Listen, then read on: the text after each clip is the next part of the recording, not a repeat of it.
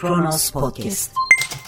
Valinin dediğini Gencin canlı bomba ya da silahlı olduğunu doğrulamayan açık görüntüler varken onu vuran polisin beraat edebildiği ülke Türkiye. 18 Kasım 2020 Çarşamba tarihli yorum seçkisiyle Kronos Podcast yayınından merhaba. Kemal Kurkut'un ölümü sadece oluş biçimiyle değil ardından yaşananlarla da ibretlik bir sisteme işaret ediyor. Gazete Duvar'da Ali Duran Topuz öyle mi Adalet Bakanı diyor. Herkes gördü de ne oldu? Abdurrahman Gök fotoğrafladı da ne oldu?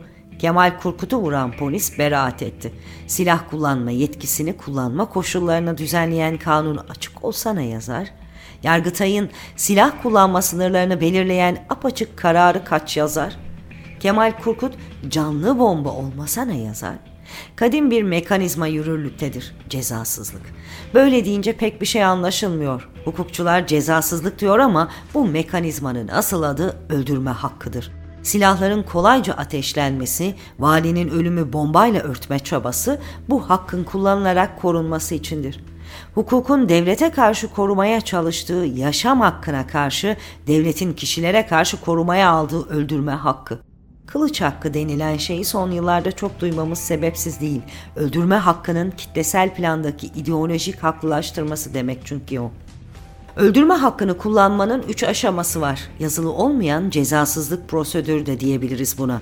Önce dava açmaya engel olacak bütün imkanlar kullanılır. Ola ki etkili bir hukuk mücadelesi verilir de dava açılırsa işler kolaylaşmaz.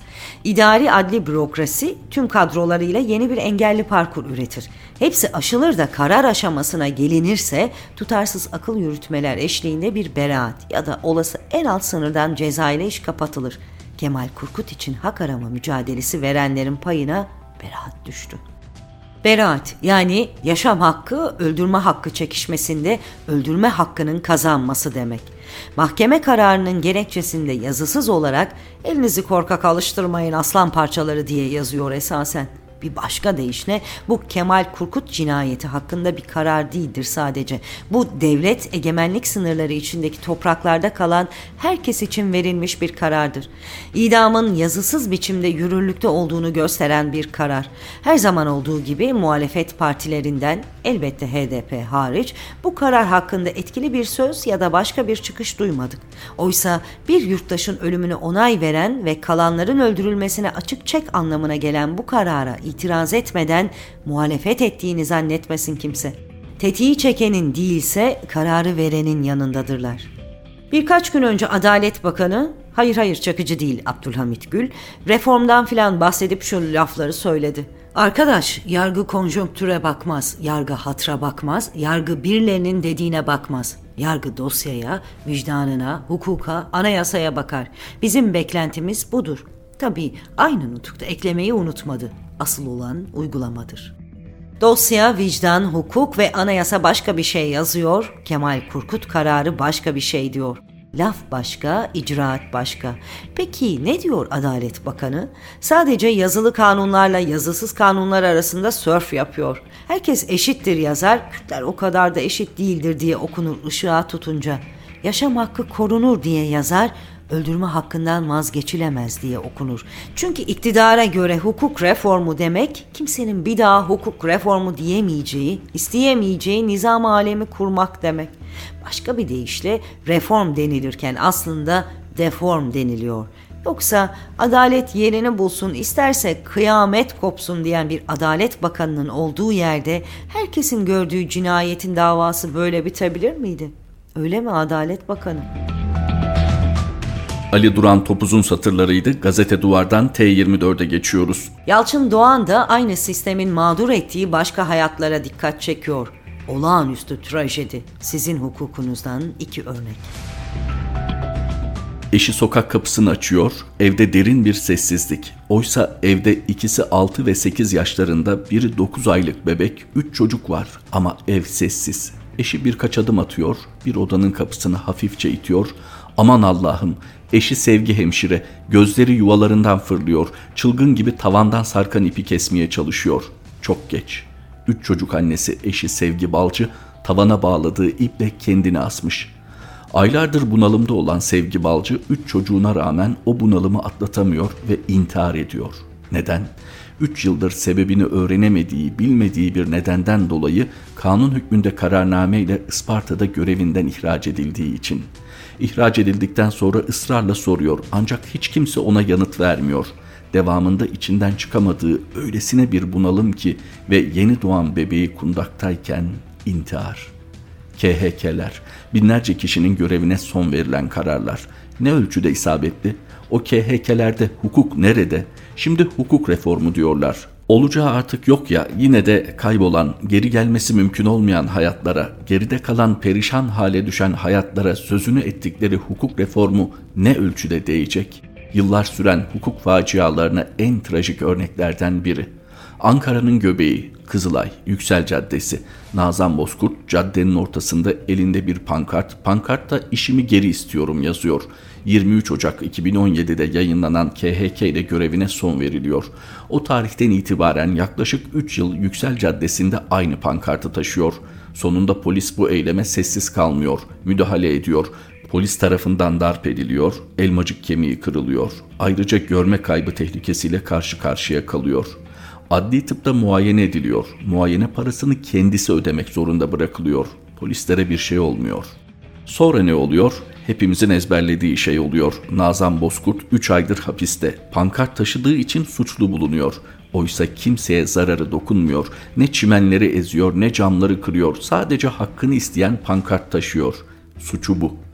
Nazan Bozkurt Gebze cezaevinden mektup yazıyor.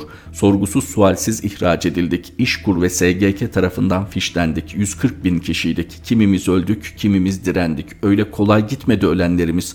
Kansere yakalanıp acı çekerek, inşaattan düşen öğretmenler olarak, pazarcılık yaparken Covid-19'a yakalanarak, Meriç'te boğularak, bir sabah namazında kalbimiz durarak, selam sabah kesilerek acılar içinde can verdik.''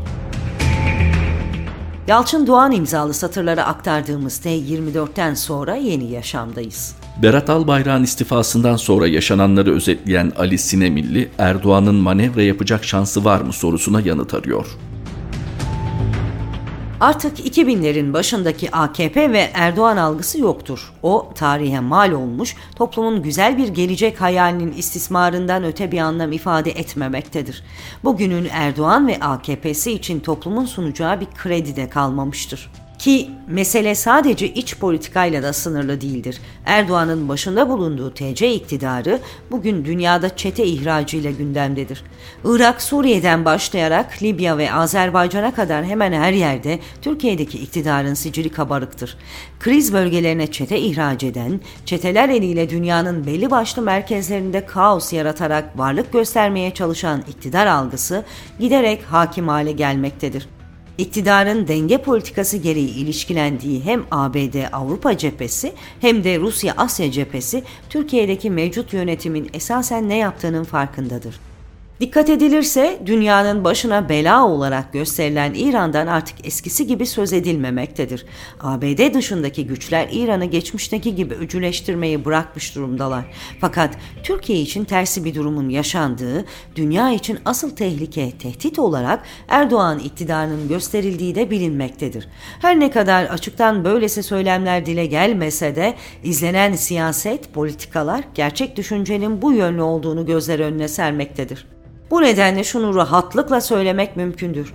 Gerek ülke içindeki siyasal atmosfer, gerekse dünyadaki mevcut iktidar algısı Erdoğan'a yeni bir manevra yapma şansı vermemektedir. Hem iç siyasette oluşan dengeler hem de dış dinamikler AKP-MHP iktidarının artık yolun sonuna geldiğini gösteriyor. Elbette Erdoğan'ın kolay pes etmeyeceği de görülüyor fakat yeni politik manevralarla, psikolojik özel savaş oyunlarıyla da toplumu kandırmanın ve peşinden sürüklemenin zamanı geçmiştir. Bu aşamadan sonra atılan her adım göz boyama olarak algılanacak, öyle değerlendirilecektir. Ki özünde yapıp edilenlerin tümü bu kapsamdadır. Fark, geçmişte bunlar yeterince görülmüyor, anlaşılmıyordu ama bugün her yönüyle deşifre olan bir iktidar söz konusudur. Yeni Yaşam'dan Ali Sinemilli'nin satırlarıydı. Yeni Asya var sırada. Faruk Çakır, Avrupa Birliği üye ülkelerinin vardığı bir mutabakat üzerinden ne kadar hukuk o kadar ekmek diyor. Avrupa Birliği'ne üye ülkelerin hükümet temsilcileriyle Avrupa Birliği parlamentosu hukuk devleti ilkelerini ihlal eden üye ülkelerin birliğin mali kaynaklarından yararlanabilmesini kısıtlayan cezalandırma mekanizması üzerinde uzlaştı. Aynı habere göre Brüksel'de 3 haftadır yürütülen çetin müzakerelerin sonunda bu hususta mutabakat sağlanmış. Mutabakat, Avrupa Birliği tarihinde ilk kez hukuk devleti ihlallerinin mali kaynakların kısıtlanması yoluyla cezalandırılmasına imkan sağlaması bakımından önemli görülüyor. Avrupa Birliği dönem başkanı Almanya'nın Dışişleri Bakanı Heiko Maas bu kararı değerlendirirken bugün sağlanan uzlaşma çok önemli bir dönemeç demiş. Varılan uzlaşmaya göre mali kaynaklardan yararlanma hukuk devleti ilkelerine uyma şartına bağlanmış hukuk devletine bağlılığın Avrupa Birliği'nin en temel değerlerinden biri olduğunu hatırlatan Almanya'nın Dışişleri Bakanı Maas, bu uzlaşıyla Avrupa olarak ortak değerlerimizi birlik içinde de daha fazla güçlendirmek yolunda ilerleme kaydettik şeklinde konuşmuş. Yani bundan sonra ne kadar hukuk o kadar ekmek devri başlamış dense yeridir. Esasında bütün dünya bu yöne doğru gidiyor. Daha önce de bazı büyük firmalar üretiminde işçi hakları dikkate alınmıyor diye bazı ülkelerden ithalat yapmayı durdurmuştu. İnşallah bir adım sonra bu uygulamalar daha çok taraftar bulacak ve haksız, hukuksuz ve adaletsiz firma ve ülkeler yapayalnız kalacak.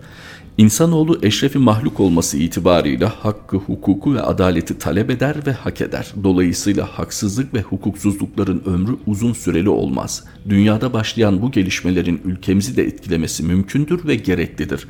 Ekmekten önce hürriyet gerekir diyenler uzun süre kınanmış olsa da hayat bu tespiti doğruluyor ve dünyayı bu yöne sevk ediyor.''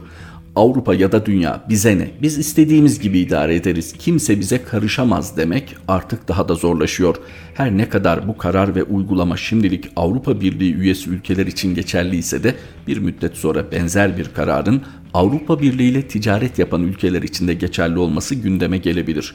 Dünya bir köy olduğuna göre komşuda pişen iyi yemekler elbet bize de düşer diyelim ve bütün dünyada iyilerin ve iyiliklerin galip gelmesini temenni edelim.''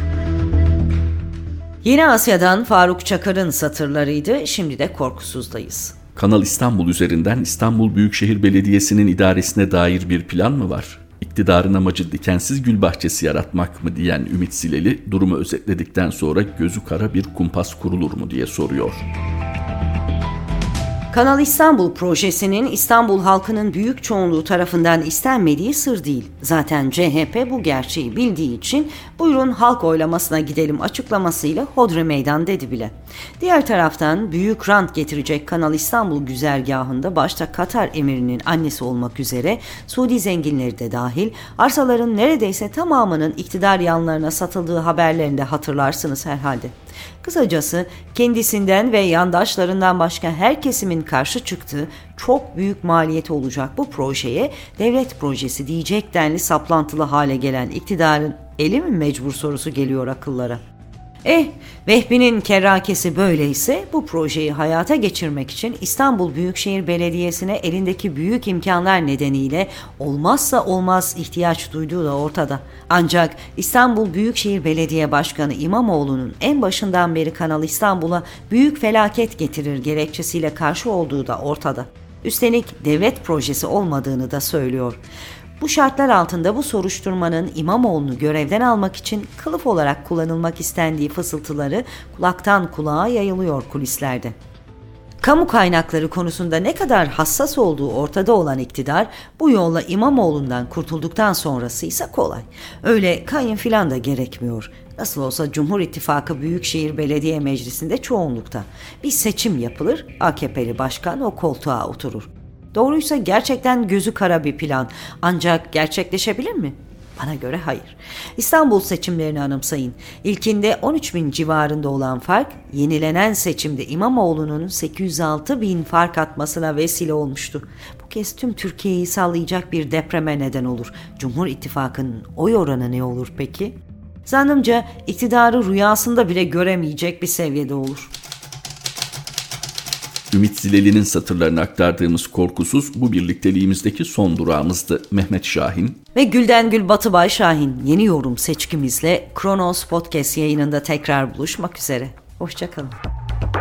Kronos Podcast